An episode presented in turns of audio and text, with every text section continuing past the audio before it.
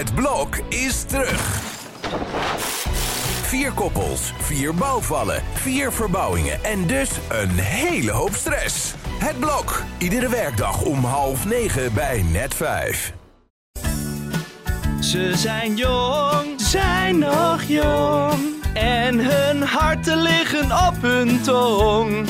Altijd alert, erg alert. Hun mening eindelijk ongefilterd.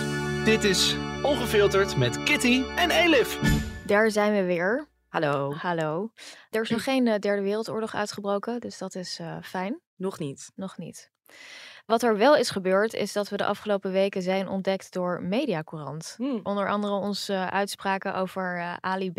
en zijn open mond, Angela de Jong. En over ehm, terminale mensen. Die hebben de Mediacourant gehaald. Ja, met een kleine shout-out naar Mies, toch? Want zij was de, de oorspronkelijke terminale mensen hater. ik Ehm, moet zeggen, ik schrok wel heel even toen dat erop stond. Maar ik vond dat ehm, onze vriend van Mediacourant, Bob Willer, het hartstikke leuk had opgeschreven. Hoi Bob. ja, was heel zijn een leuk. groot fan van Maar het was, het, natuurlijk was het leuk opgeschreven, want het was eigenlijk gewoon een letterlijk transcript van wat wij zeggen. Dus dan is het sowieso leuk opgeschreven. Niet zo arrogant doen, Elif. Nee, dat is niet arrogant, dat is gewoon de waarheid. Maar ehm, ik had het idee ook dat de ergernis over de open mond van Ali B... dat dat best wel resoneerde bij de mensen. Zeker, zeker. En ook eh, ja, de andere ergernissen ook wel. Dus eh, dat is leuk om te merken. Het gaat eh, goed met onze luistercijfers. Dus ehm, dat is heel fijn om te merken. Er wordt wel de hele tijd een hele nare, boze foto van mij bijgezet. Dus ehm, ik hoorde ooit van eh, Arthur van Amerongen dat het enige dat belangrijk is bij een stuk in de krant of waar dan ook, is dat de foto goed is. Dus ehm, hierbij een verzoek, een, eh, een betere foto van mij. Maar Ik goed. ben benieuwd of dit gaat werken. Of dat het nog eh averechts werkt. Ja, misschien een nog slechtere foto. Ik wilde alleen nog even zeggen over Ali B. Ik zag bij jouw grote vriendin eh, Yvonne Koldewijer... Ja. dat Ali B waarschijnlijk niet terugkomt naar Nederland. Dat hij lekker Ja. opgerot is naar zijn eigen land. Namelijk naar Marokko. En dat hij daar een, eh, een huis laat bouwen. En dat hij daar gaat blijven. Maar zou dat echt zo zijn? Ik vraag het me af. Ja, dan kunnen ze zich daar storen aan zijn open mond. Ik weet niet. Ik vraag me af of dat zo is. Ik denk dat hij uiteindelijk wel weer terugkomt. Dat is nog maar de vraag of hij echt wordt veroordeeld. Want het is heel lastig met dat soort dingen. Ja, ik neem aan dat hij sowieso terug moet komen als hij voor de rechter Ja, moet ja, komen, ja, toch? ja, ja, Dus, ja, eh, ja, ja, ja. We willen natuurlijk weten, Elif, waar heb je je aan geërgerd? Nou, waar ik me aan heb geërgerd is iets waar je volgens mij niet aan mag ergeren, maar ik doe het lekker toch, want zo ben ik. De afgelopen paar weken, eigenlijk sinds vorig jaar hadden we het natuurlijk over de oorlogsdreiging en zo. Hè, Mhm. En over de, de, de anxiety die je krijgt van de, de naderende of de dreigende derde wereldoorlog. Volgens mij is dat bij iedereen inmiddels wel weg. En dat is nu omgeslagen in een, dat is zo'n voorspelbare cyclus van dingen, dit soort dingen. Eh, dat is nu omgeslagen in zeg maar het hele, kijk ons met z'n allen solidair zijn met de Oekraïners. En allemaal zeg maar mensen in huis nemen en zo. Dat lees je dan overal. En dan gaat het kabinet gaat dan geld vrijmaken voor, eh nou sowieso opvangplekken vrijmaken. En dan gaat het over leefgeld voor Oekraïners. En dan gaat het er eventueel over dat mensen een onkostenvergoeding kunnen krijgen voor Oekraïners in, om Oekraïners in huis te nemen. Nou, dat bleek uiteindelijk dus niet waar, want de staatssecretaris had zich versproken. Een heel Ja, raar verhaal was dat. Maar toen dat gebeurde, toen dacht ik, oh ja, nu, nu komt zeg maar weer mijn misantropische kant krijgt uiteindelijk altijd gelijk. En dat voel ik hier dus ook aankomen. Want nu is het nog allemaal van, oh leuk, we nemen allemaal Oekraïners in huis. En dan gaan we op Twitter en op Insta daar allemaal dingen van posten. Van, kijk hoe goed we zijn, want wij hebben Oekraïners in huis genomen. Ja. Eh, daar erger ik me echt helemaal kapot aan. Je had natuurlijk als toppunt die ene tweet van die mevrouw die zei dat ze in de Albert Heijn was met Oekraïners en dat het personeel toen ging huilen toen ze hoorden dat dat mensen uit Oekraïne waren. En toen dacht ik echt, schiet me gewoon kapot gewoon, want dit soort shit verdraag ik gewoon niet. Sorry, echt niet. Maar, wat vind je er dan zo erg aan? Nee, het is, het is zeg maar die hele, eh, ja, dat hele borstklopperij eromheen. En, dat van, en dan ook dat, dat de hele tijd Nederland complimentjes krijgt van de politiek. Van wat goed dat iedereen zo solidair is. En het is echt hartverwarmend om te zien. En het is eigenlijk een mengelmoes van dingen. Want het is dus dat hele moralistische, sentimentalistische rondom die hele opvang van Oekraïners. Want aan de ene kant heb je dus mensen die zeggen: Oh, heel racistisch, want Syriërs en zo worden niet, worden niet met open armen ontvangen. En Oekraïners wel. En dat is omdat, dat, omdat zij wit zijn en Syriërs niet. Dat je denkt: nee, misschien is het ook omdat het alleen maar vrouwen en kinderen zijn. En bij Syriërs voornamelijk mannen waren. Maar goed, dat even terzijde. En aan de andere kant heb je dus al die mensen die dan gaan zeggen: van oh, en dan nemen we Oekraïners in huis. En dat is allemaal helemaal prima. Terwijl je weet, over een paar maanden slaat dat natuurlijk helemaal om. Want dan zijn mensen er klaar mee. En dan zijn er te veel. En dan gaan mensen daar een probleem van maken. En dan wordt het een probleem op de woningmarkt. Dan wordt het een probleem in het onderwijs. Dan wordt het een probleem op de arbeidsmarkt. En dan wordt het een financieel probleem. Dus daarom dat het dan is van, oké, dan krijgen ze leefgeld. En dan, staat er, en dan zetten ze er nadrukkelijk bij. Sorry, dit is een heel warrig verhaal. Maar het is gewoon, er zitten heel veel facetten aan. Waarvan Ja. ik denk, oké, dit is fucking irritant. Dan zetten ze erbij van, oké, Oekraïners krijgen leefgeld. Logisch, want ze hebben geen geld. Ze kunnen nog niet werken. Trouwens, vanaf 1 april wel, maar nu nog niet. En dan staat erbij, dat kunnen ze eventueel aan hun gastgezinnen geven. En dan denk ik echt van, als je dan al zo'n zo'n soort van Samaritaan bent die mensen in huis neemt, zeg maar. Dan ga je toch niet, want er waren ook heel veel mensen die liepen te zeggen, ja, mensen moeten een onkostenvergoeding krijgen om Oekraïners in huis te nemen. En dan denk ik echt, waar gaat dit over, zeg maar? Dan wordt er weer zo'n financieel ding van gemaakt. Super irritant. En ik dacht ook daarna, wa- want wat je natuurlijk ook gaat krijgen, het zijn natuurlijk alleen maar vrouwen en kinderen. En toen had ik gisteren dus een heel grimmig gesprek met een vriendin van mij hierover. Want ik was dus, ik wilde gisteren cijfers zoeken van of er al iets bekend was van Oekraïnse vrouwen die worden uitgebuit. Want dat voel je al een beetje aankomen, toch? Heb je dat niet? Dat je denkt, oh, er zijn allemaal vrouwen hier met kinderen. Die zijn super kwetsbaar. Je voelt gewoon al dat over een paar weken of maanden dat ze op internet worden aangeboden of op de wallen staan of whatever, weet je wel. Dus ik, wel, ik dacht, ik ga even kijken of daar al iets over bekend is of dat daar al iets tegen wordt gedaan. Nou, er wordt blijkbaar wel, worden er voorbereidingen voor getroffen. Dus ik dacht, nou oké, dat is mooi. Maar toen typte ik dus in Google in Oekraïense vrouwen.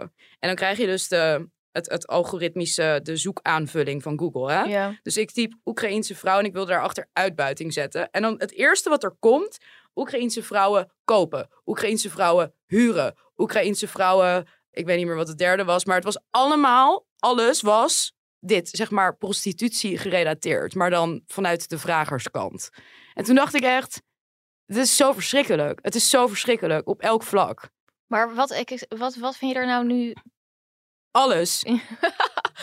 Oké, maar je vindt het dus vervelend hoe mensen ermee omgaan. Nee, ik vind het vervelend dat er nu zo'n Hosanna-sentiment omheen hangt. Van kijk, ons is goed zijn en mensen opvangen. En we gaan alles op alles zetten om al die mensen op te vangen. Terwijl je ziet al wat voor problemen dit gaat Ja, ja, opleveren ja, op een sowieso. gegeven moment. En daarmee bedoel ik niet, we moeten ze niet opvangen. Dus ik bedoel daar niet mee van, oh, moet allemaal... Maar dat blinde soort van borstklopperige, oh, we zijn zo goed en we zijn zo barmhartig en oh, zo tolerant. En ja, nee, ik herken wel een beetje wat je zegt. Want ik word, als dat soort sentimenten op gang komen, dan word ik eigenlijk ook meteen wantrouwend. Dan denk ik, ja, nu is het allemaal heel Ja. leuk en aardig. Ja. Maar over een paar maanden is het natuurlijk gezeur Precies. over die vervelende Oekraïnse familie op je zolder. Ja. Het is misschien een beetje ons inborst of zo, dat we dan... Nee, ja, maar ik weet zeker zijn- dat dit ook gaat gebeuren. Ja, is ook zo. En ik, weet je wat, wa- wat ik heel irritant vind? Ik vind het echt, tuurlijk, het is geweldig als je dat doet en als je mensen opvangt. Maar ik snap niet. Ik heb echt altijd geleerd vanuit mijn opvoeding dat, dat je niet met je goede daden te koop moet lopen. Mhm, ik vind ja. het echt, echt zo ordinair. Mhm. Dat je zo gaat, oh kijk mij. En dat wordt tegen iedereen gezegd. En dan ook, eh, ja, want ik heb nu mensen over de vloer. En die dochter die heeft het heel moeilijk met dit. Of die heeft zus en zo. En dan denk ik echt, waarom gooi je die mensen hun privélevens op straat, op Twitter of wat dan ook? Ik Alsof bedoel, het voorwerpen zijn, Ja. eigenlijk, of dieren. ja. En het is hartstikke goed hoor als mensen dat doen. Maar er merk je toch een beetje dat er ook een narcistisch component aan zit. Van kijk mij Ja. goed doen. Terwijl het is niet nodig om te zeggen, kijk mij goed doen. Je moet gewoon goed doen. Toch? Als je goed wilt doen, dat is volgens mij de, inderdaad het klassieke deugdzame. Is dat je het doet zonder dat je daarvoor een schouderklopje krijgt. Ja. En ik heb hierbij het gevoel dat heel veel mensen het wel doen alleen om een schouderklopje te krijgen. En dat het over een paar weken, dat het inderdaad dan allemaal een beetje... Oké, het is een rare vergelijking, maar ik denk ook wel treffend. Eh, toen mensen tijdens corona allemaal een puppy gingen nemen. Ik wist dat je dit zou zeggen. Ja, maar dan weet je, dan is het wel.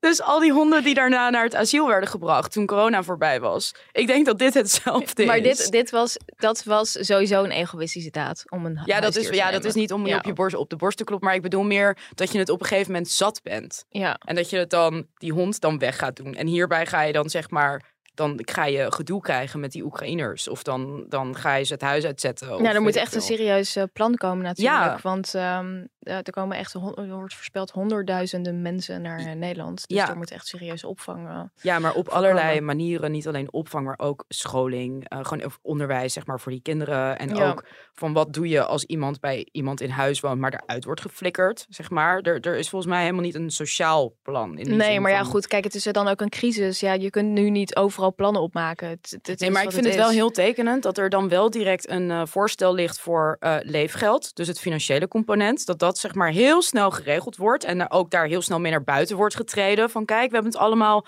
goed geregeld en zo. Terwijl de dingen waar het echt om gaat, namelijk kan iemand ergens wonen? Of kan iemand naar school? Daarvan is het ja, moeten we nog uitwerken. Ik denk, oké, eh, prioriteiten, ja, ik weet niet hoor. Eh, misschien is het heel makkelijk om te besluiten van, nou, je geeft zoveel, eh, weet ik veel. Ik, weet, ik denk dat het bijstandsniveau is, dat leefgeld. Van, dat is makkelijk uit te trekken of zo. Daar hoef je Mhm. niet verder een heel plan voor in elkaar te schroeven. Maar ik vind het gewoon heel typisch. Ja, En dat ergert oké. me gewoon. De goed. ergernis is duidelijk. Ja, is die echt duidelijk? Ja, of niet? ik heb niet idee dat die duidelijk is. Oké, nou mooi. Nu, nou, nu jij. Nou, ik heb dus twee ergernissen.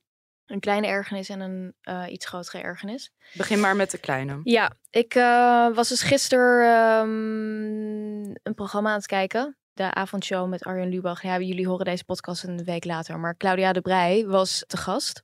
Toen zei Arjen Lubach tegen haar... En haar meest bekende liedje staat al jaren in de hoogste regionen van de uitvaarttop 5. Vanavond mag ze bij mij aan de... Toen erg ik me zo erg. Ik vind dat zo irritant. Dat lees je overal. Meest bekende. Het is bekendste. Waarom zegt het? Het is een oh, dat heel... anglicisme is ja, dat. dat is ja. een heel irritant anglicisme. En dat je leest het overal. Je leest het in kranten. Over, overal. Overal zegt iedereen dit. Meeste, zus, meeste. En dan denk ik gewoon, het is gewoon bekendste. Het is beste. Snap je Zijn er woorden bij- waarbij het wel meest dat een Nee, bijna is? nooit. Nee? Het is Nee. bijna altijd een anglicisme. Oké, ja, dat is inderdaad heel irritant. Ja. Ja. En daarbij heb ik, ehm, ja, ik had laatst een eh, recensie geschreven over eh, de nieuwe Sex in the City.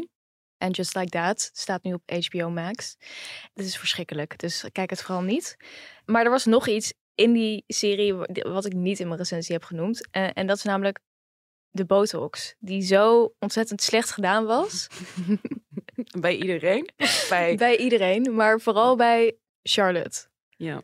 En ik liep hier dus net naartoe en toen was ik op station Sloterdijk. En ehm, toen zag ik weer zo'n chick en die had hetzelfde als Charlotte. Namelijk, die hebben hun lippen zeg maar op zo'n manier laten opvullen met fillers, denk ik. Het is niet botox, Ja. fillers. En dat ziet er gewoon uit alsof ze door echt een heel naar insect zijn Ja, gestoken. ja, ja, ja, ja, ja, ja, ja. Ja, ik snap helemaal wat je bedoelt. Ja. En ik snap gewoon niet, ik snap dit gewoon Nee. niet. Vind het dan erger bij oudere vrouwen of ook bij jonge vrouwen die dit doen? Ik vind het bij oudere vrouwen ziet het er nog Ja. slechter uit. Ja, maar bij jonge vrouwen ziet het er ook belachelijk uit. En ik woon in een straat van in een straat waar ook een ehm, school zit. En die meisjes die daarop zitten, die zijn 17, 18. Echt heel veel daarvan hebben allemaal van die flubberlippen, van die opgespoten lippen. En het ziet er gewoon echt zo belachelijk uit. Het ziet er zo niet aantrekkelijk Ja. uit. Ja, dan zeggen mensen altijd ehm, ja, dat je daar dan niks van mag zeggen. Want als mensen dat nou zelf mooi vinden, wie ben jij dan om te veroordelen? Dan denk ik, oké. Ja, dat is echt bullshit. Als je iets niet mooi vindt, mag je dat gewoon veroordelen. Ja, maar het is wel ook omdat het zo normaal is geworden dat je het zoveel ziet op Instagram. Dat je denkt van, oh ja, ik, ik kan me voorstellen dat jij denkt dat dit op een foto of zo er goed uitziet. Maar in het echte leven ziet het er gewoon niet goed uit. Nee, maar dit is, we hebben het hier natuurlijk ook wel eerder over gehad, volgens mij, dat al die eh, chicks allemaal hetzelfde eruit gaan zien. Ja. En dat is gewoon heel raar ook. Instagram face wordt het genoemd. Ja, dat ze allemaal gewoon Ja, dezelfde manier. ehm, het, is, het is dus gebaseerd op filters die je hebt. Op filters die ze gebruiken voor foto's. En Ja. er zijn dus pas chirurgen die vertellen dus van... er komen mensen naar mij toe met die filters van... ik wil eruit zien zoals mezelf. Maar dan zoals met deze filter eroverheen. En dan een soort van allemaal iets smallere neus, volle lippen, je jukbeenderen een beetje op een bepaalde manier. Maar goed, het is dus echt 8 tot 10 procent van de jongeren doen dus al botox en fillers tussen de 18 en 25 jaar. En dat is een verdubbeling met 10 jaar geleden. Meer zelfs. Best wel heftig, toch? mhm, ja. Maar goed, je mag hier dan niet zo heel moralistisch over doen. Maar ik vind het gewoon echt, een, ik vind het gewoon echt heel lelijk. Ja, maar dat is niet moralistisch. Dat nee, is maar het is dan van, oh ja, je mag dan niet daarover oordelen, want het wordt ook gewoon verkocht als een soort empowering iets. Maar denk ik, hoe empowering is het? Want je wordt gewoon doodgeslagen met al die verschrikkelijke flubberlip botoxwijven de hele dag op Instagram. En dan ga je vanzelf denken als tiener dat je denkt dat is normaal of zo. Ik bedoel, toen wij jong waren, toen keek ik ook de hele tijd naar een plaatje van Kate Moss. En dan wilde ik ook heroin chic en zo eruit zien. Oh, je klinkt heel oud als je dit zegt. Kate Moss was echt de jaren negentig. Maar goed, laten we het even over een eh, serieuzer onderwerp hebben. Het het was al een heel serieus Ja. ja, dat was echt best wel serieus. Het was een groot thema tijdens de verkiezingen al. Woningnood. Er is een tekort aan woningen van bijna 300.000. Nou ja, goed, we horen eigenlijk niets anders dan eh, woningnood, woningnood. Maar gelukkig zit nu onze favoriete minister Hugo de Jonge aan de knoppen. Dus komt helemaal goed. Wat denk jij, Zeker. Zeker. Isiman, Zeker. parlementair verslaggever? Ja, ik mag daar natuurlijk geen uitspraken over doen. Ik mag geen oordeel vellen over, over mensen. Maar ik denk dat het met Hugo echt helemaal goed gaat komen. Toch? Ja, de hoop van Nederland op alle vlakken. Ja, hoop in bange Nou, dagen. laten we even luisteren naar wat hij, eh, wat hij te vertellen heeft. Onze nieuwe minister van Wonen. We hebben met elkaar een gigantische klus te klaren. Met meer regie, met meer tempo, meer betaalbare woningen bouwen. En dat gaan we doen. Dat gaan we doen. Ja, het is het. Hugo de Jonge had mij dus eh, ontvolgd op Twitter. Hij had mij ontvolgd. En toen Toch? een paar weken later ging hij me weer volgen. En toen ehm hij maar had ik- me ontvolgd. Na, en het was wel, zeg maar, omdat ik heel, ik had heel vaak heel onaardig getweet over Hugo de Jonge. En onaardige columns geschreven. En toen werd ik op een gegeven moment ontvolgd door Hugo de Jonge. En nu Maar- volgt hij me weer. Denk je dat dat echt een straf was? Of Ik dat- weet het dat niet. dat Ik heb geen idee. Misschien is het per ongeluk. Ik vraag me überhaupt af of hij zijn eigen account beheert. Maar Nou, volgens mij wel. ja? Ja. Ja, want hij is een paar keer betrapt tijdens kamerdebatten over corona. Dat hij dan alleen maar op Twitter... Er werd op een gegeven moment van achter werd hij gefilmd. En dan zag je hem zeg maar op Twitter alleen maar op zijn, op zijn Twitter kijken. Terwijl het dus over corona, coronadebat... Dat was ook nog zo'n ophefdingetje, zeg maar. Mhm. Dus ik denk wel dat hij dat zelf doet, ja. Maar over het algemeen, weet je dat? Of politici zelf hun account Nee, over het algemeen niet. Nee. Nee. Maar sommige, sommige wel. Hm, Een beetje wat, wat de wat jongere mensen, denk ik dan. ja, bedoel- Hugo is natuurlijk hartstikke jonge, gave Ja, het is gewoon een vader die, gast. die gewoon nog meedoet. Ja. Maar goed, laten we... ehm, Anyway, wonen. Ja, we hebben dus eh, met iemand gesproken eerder. Dat is eh, Cody Hoogstenbach. En die heeft een boek geschreven over ehm, de woningmarkt. En eh, hij kwam ons hier ehm mansplainen over dit lastige onderwerp. En vooral over wat er nodig is voor een betere woningmarkt. Volgens hem. Volgens hem, ja. Ja, we gaan het even hebben over jouw boek, Uitgewoond. En ik dacht, misschien is het leuk om aan de hand van onze casussen Mhm. ehm, met jou te spreken over wat er mis is met de woningmarkt. Ik ben benieuwd. Ja, Kom maar op. nou ehm, ja, ik ben 31. Ik eh, woon in Amsterdam en ehm, ik kom uit Den Haag. Ik zou graag een huis willen kopen. En eh, op zich heb ik een eh bovenmodaal salaris, dus dat zou moeten kunnen. Maar dat kan niet. En ik kan eigenlijk ook geen ander huis huren, omdat de huurprijzen zo ontzettend hoog zijn. En ehm, wat het vervelende is, is dat je zeg maar in een fase komt en dan, dan ja goed, je hebt eigenlijk alles goed gedaan. Je hebt gestudeerd, eh, je hebt een baan gezocht. Dan kom je dus zeg maar in een fase dat je graag eh, misschien vermogen of zo zou willen opbouwen. Of je ziet dat andere mensen met eh, bijvoorbeeld die wel een huis kunnen kopen omdat ze geld krijgen van hun ouders. ehm, Mhm. Dat die dat wel kunnen en dan kun jij dat niet. En ik vroeg me af, ja, hoe komt dat? Terwijl dat wel 30 jaar geleden wel kon. Of misschien 10 jaar of 20 jaar geleden ook in mijn positie. Nou ja, het is heel herkenbaar wat je vertelt. Ik ben zelf 32, dus we zijn van dezelfde generatie. En ook ik merk heel erg dat ik, ik huur ook een woning. En eh, ik merk ook dat ik geen woning kan kopen. En ik zou graag iets goedkopers gaan huren of kopen. Dat, dat verschil maakt me niet zo heel veel uit. En je ziet dat er mensen zijn in mijn omgeving die in dezelfde fase van hun carrière zitten, een vergelijkbaar inkomen hebben als ik, ehm, maar net wel een woning konden kopen op het juiste moment en op de juiste plek. Vaak omdat ze steun kregen van hun ouders. Dus het is ook gewoon het geluk dat je rijke ouders hebt, terwijl ik het pech heb dat ik uit een heel arm gezin kom. Dat verschil, dat zorgt ervoor dat, dat zij net wel een woning konden kopen. En die woning is in de tussentijd natuurlijk in waarde verdubbeld. Waardoor ze weer een duurdere en een grotere woning met weer een luxere keuken konden kopen. Die voor mij al helemaal buiten bereik is. Dus ik heb vrienden die inmiddels eh, woningen van 7, 8 ton kopen. Maar ik heb ook vrienden zoals ik die in veredelde studentenwoningen moeten vertoeven. Dus dat is eigenlijk, dat laat heel goed zien hoe de woningmarkt als een, uh, als een vliegwiel van ongelijkheid functioneert. Kleine verschillen kunnen gigantisch uitvergroot worden via de, via de woningmarkt. Waar woon jij? Ik woon zelf in, uh, in Amsterdam-Oost, in de Transvaalbuurt. Dat is een hele leuke buurt overigens, een heel leuke woning waar ik in zit. Maar het is wel gewoon een dure woning. Ik ben 1100 euro per maand kwijt per, uh, aan, een, uh, aan een voormalige arbeiderswoning die 100 jaar geleden gebouwd is door een socialistische woningbouwvereniging. Um, ehm, 100 jaar geleden, dus die woning is al lang afbetaald. Maar in Amsterdam vinden we dit heel goedkoop, 1100 euro. Ja, maar dat toont ook wel aan hoe, um, hoezeer we die onacceptabele prijzen als normaal zijn gaan beschouwen. Het is echt een mhm. normalisering van duur wonen. 1100 euro. Inderdaad, de belegger om de hoek bij mij vraagt 1600 of 1700 euro. Dus in dat opzicht is het relatief goedkoop. Maar vanuit mijn perspectief, eh, een 100 jaar oude woning die ooit voor de arbeiders van een socialistische woningbouwvereniging uh, is gebouwd vind ik 1100 euro een astronomisch bedrag eigenlijk. En dan vind ik eigenlijk die 500 euro die mijn onderbuurman betaalt een veel realistischer en een veel normaler bedrag. Dus ik denk ook dat we vragen moeten stellen bij wat normaal is en wat niet. Maar om terug te komen op jouw vraag van waarom kun jij nou geen woning kopen? Ik denk dat het sowieso interessant is dat er onder heel veel mensen, uh, onder jou, misschien ook onder jou en ook uh, bij mij, um, dat, dat dat idee bestaat van we, ik moet een woning kopen, anders, um, anders val ik buiten de boot. En we zijn ook vaak zo opgegroeid met het idee aan de keukentafel is ons verteld van we moeten een woning kopen. Want kopen is goed en huren is, uh, is, is geld weggooien uiteindelijk. En ik denk dat we daar vraagtekens bij moeten stellen of dat inderdaad zo vanzelfsprekend is. Een van de redenen waarom kopen op dit moment aantrekkelijk is, is omdat het gewoon gigantisch gesubsidieerd wordt door de overheid. De hypotheekrenteaftrek kost de Nederlandse overheid kost de belastingbetaler uiteindelijk 9 miljard euro per jaar. Dat is veel meer dan de uh, ongeveer 4,5 miljard die naar de huurtoeslag gaat. Ja, terwijl we toch wel heel erg het idee hebben van ja, sociale huurwoningen. Dat is eigenlijk waar ons belastinggeld naartoe gaat.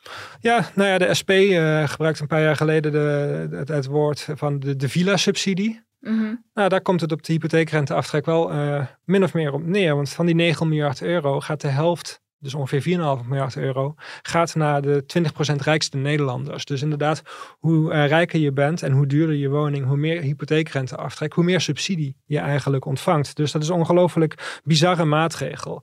Maar ook de gigantische hypotheekverstrekking. Je kunt in Nederland nog steeds gigantische bedragen lenen om een woning te kopen. Wij zijn hypotheekschuldenkampioen van Europa. En geen enkel Europees land is die hypotheekschuld zo hoog als in Nederland.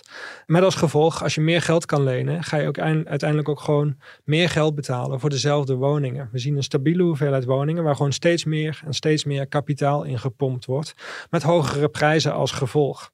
Dat is voor mensen die in de woningmarkt zitten, de insiders, vaak mensen met een uh, wat uh, hogere leeftijd dan de onze, is dat fijn, want zij zien hun woning in waarde vermeerderen. En dat geeft hen een gevoel van zekerheid. En dat geeft hen een gevoel van, uh, van welvaart.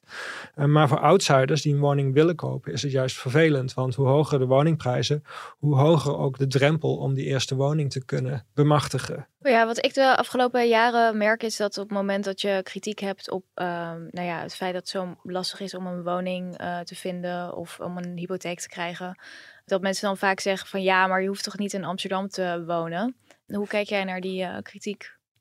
Ja, die krijg ik natuurlijk ook uh, heel vaak voor mijn voeten geworpen, inderdaad. Ook omdat ik een proefschrift heb uh, geschreven over de, uh, de gentrificatie van Amsterdam. Dus de verjupping van de voormalige arbeiderswijken in Amsterdam, ja, zoals de Ja, Pijp. daar ben ik wel mede schuldig aan, toen ik in de Jordaan woon. Ik denk niet dat het een individueel probleem is. Maar dus ik krijg heel vaak inderdaad het verwijt van... ja, je hoeft niet in Amsterdam te, te wonen. Ik vind dat om verschillende redenen vind ik dat erg makkelijk. Een eerste, een eerste punt zou zijn je bent natuurlijk gebonden aan een plek. Het is niet zo dat je zomaar naar de andere kant van Nederland kan verkassen, omdat toevallig in Oost-Groningen wel nog een betaalbare woning te vinden is. Je bent gebonden aan een stad, want je hebt daar je vriendenkring opgebouwd. Misschien heb je een geliefde daar wonen. Um, misschien heb je daar familie wonen. Je leven speelt je gewoon af op die plek. En je bent waarschijnlijk ook economisch gebonden aan die plek. En het biedt gewoon heel veel voordelen als jij kan wonen uh, in dezelfde stad, of in ieder geval in dezelfde regio, als waar jij uh, werkt. Een tweede reactie zou zijn dat ehm, in bijna heel Nederland is het gewoon moeilijk om een woning te vinden. Dus ook in Zuid-Limburg, uh, waar ik vandaan kom, stijgen de huizenprijzen en worden de wachtlijsten voor een sociale huurwoning alleen maar langer. En ik heb daar ook onderzoek naar gedaan.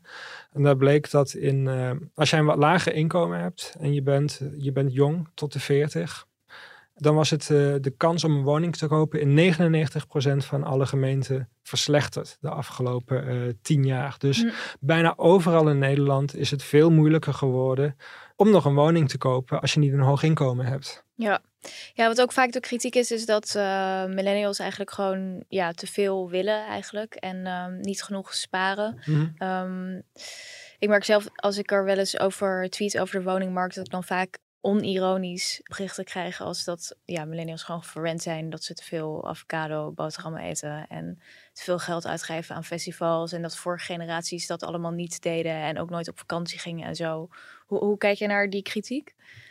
Ja, dat is, dat is natuurlijk uh, je reinste onzin, die kritiek. Ik heb precies een rekensom ook in mijn boek staan, maar uh, ik heb de cijfers niet 100% paraat. Maar um, volgens mij kon je wat was het, tegen de 40 avocado's per dag eten, wilde je de huidige woningprijsstijgingen bijhouden. Um, de, de huizenprijzen zijn in Nederland in vijf jaar tijd met iets van 120.000 euro gestegen. Dus mhm. welk spaargedrag je daar ook tegenover gezet, dat hou je nooit bij. Ook al ben je de meest zuinig levende uh, millennial of boomer of wat dan ook, dan nog stijgen de woningprijzen veel en veel sneller dan dat jij kan sparen. Ja. Um, de gemiddelde woning Zeker in een uh, populaire uh, stad als Amsterdam, maar ook Utrecht, Rotterdam, Leiden. Daar zie je dat de gemiddelde woningprijzen uh, sneller stijgen dan het gemiddelde inkomen van de bewoners. Dus de gemiddelde woning in Amsterdam verdient meer dan de gemiddelde inwoner van Amsterdam. Dus je kunt dat nooit bijbenen qua, qua spaargedrag. Uh, en er zijn ook gewoon genoeg uh, studies, en dat laat ik ook in mijn boek zien, uh, die aantonen dat dus de verslechterende kansen van zeker jonge mensen op de woningmarkt vooral samenhangen met dus het opdrijven van de huizenprijzen door middel van beleid, het marginaliseren van huuralternatieven, Um, maar ook op de arbeidsmarkt hebben jongeren natuurlijk ook lastig. De inkomens uh, zijn gestagneerd onder jongeren de afgelopen decennia. Uh, en tegelijkertijd moeten ook steeds meer jonge mensen het doen met een, uh, met een tijdelijk contract, waarmee het alleen maar lastiger wordt om een, een hypotheek te krijgen. Dus de rol van ouderlijke steun, financiële steun, wordt steeds groter. En ik heb in mijn boek ook een een stuk opgenomen. Dat was in de Volkskrant, was vorig jaar. In de Volkskrant heeft zo'n katern waarbij je um, lezers kunnen dan een brief sturen met een prangende ja. vraag die ze hebben. En dan de week daarna kunnen mensen daar uh, hun advies oh, ja, geven. Ja, andere een heerlijke lezers. rubriek is dat. Ja, ja en een, een jongen, was een jongen van mid twintig, die had een uh, stuk ingestuurd en die zei: nou, Mijn ouders hebben allebei een prima baan, maar ze hebben nooit een woning gekocht en zijn de hele leven blijven huren. Daardoor kan ik nooit een erfenis verwachten en kan ik niet die woning kopen die ik zou willen. Mag ik ze dat kwalijk nemen? Dat was de hele, de hele portée van dat stuk in de Volkskrant was, uh, mag ik het mijn ouders kwalijk nemen dat zij geen woning hebben gekocht en da daardoor mij geen vette erfenis achterlaten, waardoor ik nooit aan de bak komt. Nou, dan is er natuurlijk iets goed mis met je woonsysteem als je afhankelijk bent van... Um, uh, van rijke ouders die de volgende generatie op weg kunnen helpen. Ik ja. bedoel, het is heel fijn als ouders dat kunnen doen voor hun kinderen. Op individueel niveau snap ik dat heel goed. Dat ouders hun kinderen willen helpen op de woningmarkt. En als zoon of dochter snap ik dat ook heel goed, want je wil ergens een plek hebben om te wonen. Maar vanuit een structureel perspectief van hoe functioneert onze woningmarkt en hoe functioneert onze samenleving, is dat natuurlijk totaal onwenselijk dat je afhankelijk bent van de toevalligheid of je ouders rijk zijn of niet. Maar, maar wat, je... zou, wat zou je daar dan aan moeten doen? Nou ja, je zou, je zou ervoor moeten zorgen dat er veel meer betaalbare huuralternatieven zijn. En dat komt niet vanzelf. Ik denk dat je als overheid ervoor moet, uh, ervoor moet kiezen om weer actief te gaan investeren. En dat, dat is 30, 35 jaar lang niet gedaan. In volkshuisvesting, dat we echt zien als een publieke taak om ervoor te zorgen dat er, uh, dat er die betaalbare alternatieven zijn. En als jij voor 500 euro per maand een woning kan huren met een middeninkomen, dan is er ook veel minder die druk om een woekerbedrag neer te leggen voor, voor een koophuis. En die, die uh, omdat het zo, ja, zeg maar op het individu wordt gelegd van het is eigenlijk je eigen schuld als je dan geen toegang hebt of zo tot een woningmarkt. Mm. Is dat ook, denk je, de reden dat die manier van denken zo dominant is dat mensen zo laat eigenlijk pas in opstand komen. Want je ziet eigenlijk pas nu mm -hmm. uh, dat mensen de straat op gaan, heb je woonprotesten of dat echt een, echt een breed maatschappelijk thema is. Denk je dat dat daarmee te maken heeft? Ja, het is een beetje k- koffiedik kijken natuurlijk, maar ik vermoed het wel inderdaad. Ik denk inderdaad dat het gebrek aan eh, collectieve verontwaardiging, Mhm. collectieve woede, een van de redenen is. En ook een van de dingen die ik met mijn boek wil bereiken, is inderdaad dat, dat narratief een beetje shiften. Er in- inderdaad voor te zorgen dat mensen inzien van, nee, dit is geen individueel probleem. En wij zijn niet concurrenten van elkaar op de woningmarkt, maar eh, dit is een collectief probleem. En wij zijn in plaats van concurrenten, wij zijn lotgenoten. En eh, wij moeten woedend zijn over de wooncrisis, maar we moeten niet boos zijn op elkaar, maar we moeten boos zijn op de politiek verantwoordelijken die die stoelendans hebben gecreëerd op de woningmarkt. Maar het, eh, een van de grote problemen op dit moment is denk ik ook dat we gewoon heel weinig woningen hebben, toch? Of eigenlijk dat we te weinig woningen hebben. Dus onderdeel van het probleem. Ja, onderdeel zeker. van het probleem, ja. Bouwen, bouwen, bouwen. zoals Daniel Koerhuis zegt. Nou, ik denk dat dat twee andere dingen zijn. Dus ik denk aan de ene kant dat je veel woningen moet bijbouwen. Maar ik denk niet dat je moet bouwen, bouwen, bouwen. Want het, eh, het redelijk stomzinnige frame van bouwen, bouwen, bouwen is over het algemeen een pleidooi voor het eh, loslaten van regulering en gewoon maar in het wilde weg te gaan bouwen. Nou, dan krijg je dan dat de laatste groene plekken in Nederland worden volgebouwd. Dan krijg je dat er allemaal saaie rijtjeshuizen gebouwd wordt waar niemand blij van wordt. Ehm, op allerlei plekken waar, waar je het eigenlijk niet zou willen. Dus ik denk dat we zeker meer woningen moeten bouwen. Maar ik denk dat je dat moet doen met een, een visie. Wat voor woningen? En, Eh, voor wat, voor, wie? en wat voor visie dan? Hoe zou, dat er, hoe, hoe zou jij het aanpakken? Nou, ik denk dat er heel veel eh, aanleiding is om zoveel mogelijk woningen binnen de steden te bouwen. En het bouwen, bouwen, bouwen argument is over het algemeen eentje om vooral buiten de steden te bouwen. Maar ik Maar denk, dus de moet- hoogte in. je moet zoveel mogelijk binnen de steden bouwen of direct rondom de steden en dan goed verbonden met eh, openbaar vervoer. Er zijn verschillende redenen voor. Ten eerste is het eh, bespaar je daarmee het spaarzame groen. Ten tweede eh, zijn de gemiddelde stadsbewoners ook iets duurzamer dan de gemiddelde bewoners buiten de stad. Simpelweg omdat je bijvoorbeeld met je fiets naar werk kan in plaats van met de auto. En ten derde, kijk maar naar de huizenprijzen en ook hoe de huizenprijzen zich ontwikkelen. Er is gewoon ongelooflijk veel vraag naar wonen in de steden. Dus je komt ook gewoon tegemoet aan de vraag van heel veel mensen. Moet je dan de hoogte in? Ja, dat is de vraag. Ehm, een wijk met veel woontorens heeft niet per se een hogere dichtheid, heeft niet per se meer woningen dan een, eh, een wijk met gesloten bouwblokken zoals we in Nederlandse steden kennen. Omdat je moet je voorstellen dat als je veel torens bouwt, die torens staan weer best wel ver van elkaar af. Dus je hebt best wel veel Mm. loze ja. ruimte daartussen. En je hebt ook eh, liften nodig en vluchttrappen enzovoorts. Dus eh er gaat best wel veel ruimte verloren. Dus je kunt met, met vier, vijf woonlagen en dan in gesloten bouwblokken kun je vaak net zo'n hoge dichtheid bereiken als met, als met woontorens. Eh, je kunt nog steeds kiezen voor woontorens als je denkt van nou, dat, dat vinden we hier mooi of dat vinden we hier passend. Maar dat levert niet per se een hogere dichtheid op dan eh, met vijf, zes verdiepingen. Maar hoe je het ook gaat doen, ik denk dat het wel belangrijk is om eh, die visie wat voor woningen en waar, vooral binnen de steden en kijk ook heel erg naar betaalbaarheid van wonen. Op dit moment de gemiddelde koopwoning die nu gebouwd wordt, kost eh, ruim vier, bijna vijf ton inmiddels. Nou ja, dat is voor een groot deel van de Nederlanders, laat staan voor starters, compleet onbetaalbaar. Dus je moet ook gaan denken van hoe kunnen we betaalbare woningen bouwen, of het nou in een flat is of in een, in een bouwblok. Oké, dankjewel Cody. Ja, dankjewel. Het was eh, heel verhelderend. Succes met het boek. Dankjewel. H-E-L-D-I-N. Heldin van de week. Even heel duidelijk, hè? wat is intimidatie? Iemand legt gewoon een stuk voor mij klaar... wat ik mee moet nemen voor de plenaire zaal als inbreng. Ik kijk naar dat stuk en ik zie dat het onvoldoende kwaliteit heeft. Dit is de derde of de vierde keer. Ik denk, nee, dat ga ik even zelf gewoon heel snel dan doen. En dan ben ik inderdaad gewoon heel resultaatgedreven. Ik gooi het gewoon in de prullenbak. Is dat intimidatie? Want dat is het niveau. Dat dat intimiderend zou zijn. Is dat intimidatie? Ja, dat was eh, deze week ehm Nilufer Gundogan. Dat was echt mijn soort van reddende engel deze week. Omdat ik had echt een helse week. Want er waren gemeenteraadsverkiezingen en alles was heel... Ja, even voor de luisteraars. Dit was dus vorige week. Ja, precies. Ja. Dus wij zenden nu een week later uit. Even voor de tijdsduiding. Maar ik had dus deze week, de week voordat jullie dit horen, een hele drukke week. Maar ook best wel een stoffige week. En dan ook die oorlog in Oekraïne nog steeds. En gewoon allemaal hele nare dingen. En nou ja, het relletje rondom Gundogan en Volt, dat heeft mij er echt doorheen gesleept. Want het had zo'n ontzettend hoge popcornfactor.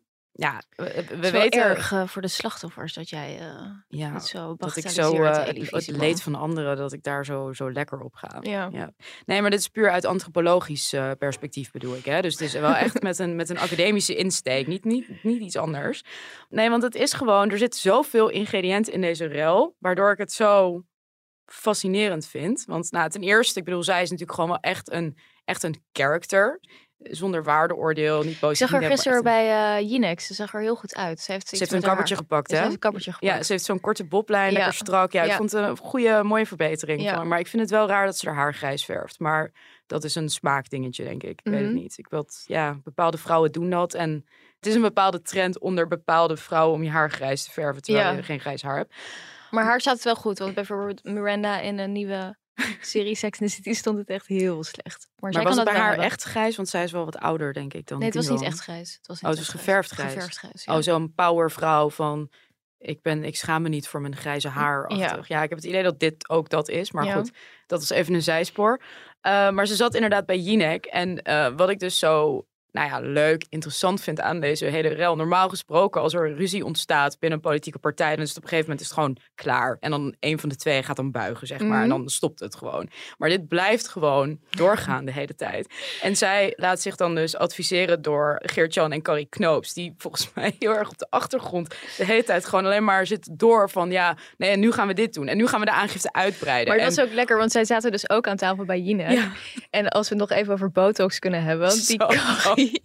die Carrie die kan gewoon helemaal haar gezicht niet meer Oh my bewegen. god, ja. Ja. Dat is, maar Ik vind dat echt, echt trouwens echt een fantastisch duo, die ja, twee. die twee zijn zo... En ik moest zo hard lachen, want bij Jinek, dan op een gegeven moment... Het ging dus de hele tijd... Dan vroeg Eva aan eh Gundogan van... Ja, maar is dit dan niet waar dat je aan iemands kont hebt gezeten? Of dat je iemand... Ja, want, zo- want vertel even kort voor de mensen die het misschien niet weten. Ja, wat zijn nou even de, Even de kort, dingen nou, die zij worden beweerd de partij of de fractie uitgezet... omdat er dertien mensen waren geweest die een melding tegen haar hadden gedaan... vanwege grensoverschrijdend gedrag. En een deel daarvan was intimidatie en schelden, schreeuwpartijen, dat soort eh, dingen. Ja, en ook En, eh, seksueel getint een appverkeer. ander, een ander deel was inderdaad seksuele grapjes in appverkeer. Was het Mhm. eigenlijk. Een ander deel was ook seksueel gedrag. Dus eh, ze zat aan mensen hun kont volgens de melders. En een jongen die zei dat zij hem in zijn nek had gezoend en had gezegd dat ze seks met hem wilde omdat ze al zo lang droog stond en zo. dat soort dingen. Maar, dat was natuurlijk bij, want NRC had hier ook een artikel over. Ja, dat was, wat, dit, ja, dit NRC heeft dus met een paar van die melders gesproken. Ja. En deze informatie komt daaruit. Zeg ja, maar. en, en de kop was dan ook van als een man dit had gedaan, toch? Dat ja, was ik vroeg het. me af wat er zou gebeuren als een man dit had gedaan. Ja. Zo, zoiets was Maar het. denk je toch, ja, ik, ik, vind, ik vind er wel iets voor te zeggen, maar aan de andere kant denk ik, ja, maar het is geen man. Ja, precies. En vroeger, nou, dat, dat is dus wat ik bedoel met er zitten hier zoveel elementen in die Ja. gewoon heel interessant zijn. Want ja. vroeger, als een man iemand, een vrouw op een borrel in haar nek zoent of zo, dan is het ook niet een reden, was het niet een reden voor ontslag. Dus er zit heel veel, zeg maar, die hele verschuivende moraal zit erin. Ja. En dan zit erin dat het een progressieve partij is die heel erg alles hoog op heeft met moraal en met dat soort dingen. Dat maakt het heel leuk. En het feit dat zij zo'n, nou ja, zo'n, ja, hoe zeg je dat? Een beetje positief powervrouw en negatief kenau, zeg maar. Een beetje die, op dat snijvlak. Ja. Het is in alles gewoon super interessant. Maar dat was dus de recap. Dus zij werd daarvan beschuldigd. En zij ontkende dus gisteren bij Jinek. Want eh, Jinek vroeg van, is het waar dat je iemand in zijn nek hebt gezoend? Bla, bla, bla. En toen zei ze, nee, dat is niet waar. En toen was het ook met, eh, heb je aan het, de kont van een minderjarig meisje gezeten? Want dat was ook een van die aantijgingen. En zij ontkent dat dus. En wat ik dus heel grappig vind, is dan zitten die knoopjes erbij, zeg maar. En die, eh, die Carrie, die heeft het dan op een gegeven moment. En dan gaat dus Eva, die blijft dan heel erg doordrammen van... ja, maar waarom zeggen mensen dat dan? En bla, bla, bla. En dan, dat vond ik zo grappig van Carrie Knoops. Dan trekt ze dus een vergelijking met Julio Poch. Dan zegt ze, ja, je hebt gezien hoe het daarmee ging. Jarenlang werd er vanuit gegaan dat hij het had gedaan. En toen bleek dat toch niet het Wie geval. is dat? Julio Poch? Die, die piloot, weet je wel? Ja, wat ik dus wel geestig vond, ehm, is eh, dat er dan in die verhalen over haar, dat het dan over gaat dat ze dan heel dronken wordt en dat ze dan afgevoerd moet worden en zo. Dat vind ik echt hilarisch. Van een nieuwjaarsborrel van Ja. de PvdA was dat, ja. Ja, en dat dan- ze allemaal mannen gingen omhelzen. Ja, ja, ik weet niet. In ieder geval lijkt me wel gewoon echt wel gezellig iemand om... om ehm, mee op stap te gaan. ja. Maar dat is ook heel grappig, want eh, bij al die stukken, eh, nou ja, geen stijl, die gingen natuurlijk allemaal helemaal een soort van popcorn verhalen van, van, die gingen ons verhaal dan overtikken en ook van NRC en zo. Die reageerders, die zaten ook allemaal van, nou die Nilifer lijkt me wel een tof wijf. En ze die waren helemaal fan van haar. Ja, ik weet niet, ik vind dat gewoon heel erg chill. Zij doet dat ook wel slim. We weten natuurlijk nog steeds niet echt wat er nou allemaal waar is en wat niet. Dat maakt dit ook allemaal best wel lastig. Ja, maar het is natuurlijk ook gewoon lastig, want ehm, nu in die, er komt een discussie op gang. En dan heb je het over, heel snel over dingen als grensoverschrijdend gedrag. Maar sommige mensen zijn gewoon een kreng Ja. zo, weet je? Of Ja. gewoon zoals bijvoorbeeld Johan Derksen die zegt, ja, die Niedervoor is waarschijnlijk gewoon een, eh gewoon een pleuriswijf. Ja, Zoals je, gewoon, Ja, maar dat kan ook. zoals je er heel veel hebt. Gewoon Ja. op elk kantoor heeft die eh, Ja, types. Dus, zeker. Ja, dat, maar dat is misschien inderdaad van ja, gaan we naar een, een, een eh, samenleving toe waarin pleuriswijven geen bestaansrecht meer hebben? Of eh, Dat zou de- zeer slecht nieuws zijn, toch? voor jou? Voor jou ook. ja, dat de favoriete kantoorbitches, dat we die gewoon, dat we er afscheid van gaan nemen. Ja, want, dat wil je toch niet? Nee, die geven toch ook een beetje show aan de... Ja. Maar goed, ja, ik snap wel, kijk, als je niet past dan in de omgeving... Als iemand zo labiel is en hij wordt zo beschreven, of zij wordt beschreven als, eh, nou, functioneert niet. Dat weet je van tevoren toch ook al. Dat weet Ja. je toch al heel snel dat iemand niet Ja. functioneert. Of dat iemand labiel is of gewoon eh, Ja, zich niet je kan dus gedragen. Niet, niet met iemand eigenlijk in zee moet gaan. Nee, maar er- daar zit natuurlijk bij Volt bij van... oh ja, ze willen zo progressief dat ze zo graag natuurlijk een Turkse vrouw op nummer twee, Biculturele bicultureel. En dan wordt er dus niet kritisch gekeken. En dan vervolgens wordt iemand zo voor de bus getrapt. Ja, maar dat dat, je- is dus het, het grappige. Want dan willen ze ook weer heel erg zitten deugen met... Ja. kijk ons, Ja. kijk ons, tuurlijk. Ja. Nu is het moment. Wij nemen het heel serieus. En denk je, oh ja, dat is lekker van twee walletjes eten. Maar het is dus ook echt de grootste clusterfuck van deugen. Eigenlijk. Ja, Dat want soort- ze hebben zichzelf daarmee totaal in de vingers gesneden. En je ziet eigenlijk dat ze helemaal niet eh, uit de voeten kunnen met hun eigen principes. Ja, precies, precies. Ja. Dat is dus, en die Laurens Dassen, ja, dat, dat is dan dat je echt denkt, jongen, echt. Wie heeft die, is- deze jongen uit de ballenbak getrokken? Echt, my god. Maar het is ook gewoon het contrast tussen hem en Nilufer is gewoon ook zo groot op elk vlak. Dat ja, je denkt, die walst natuurlijk helemaal Ja. over hem heen. Dat is Ja. gewoon eh hartstikke aardige jongen die vast het beste voor heeft met de wereld. Maar het is gewoon een jochie natuurlijk. Ja. En zij is gewoon, tang. zij is gewoon Niederver. je zal het weten ook. Ja, ja, nee, dus dat, was, dat heeft mij wel echt eh, er op de been gehouden. Dus daarom, eh, ja, daarom is zij mijn heldin. Heldin van de week. Heldin van de week. Ja, ja, ja. Ja. oké. Nou, duidelijk. Het Ja. was weer eh, goed even bij te praten, Elif. Ja, het was gezellig. Leuk. Tot de volgende Tot keer. snel. Bye. Doei.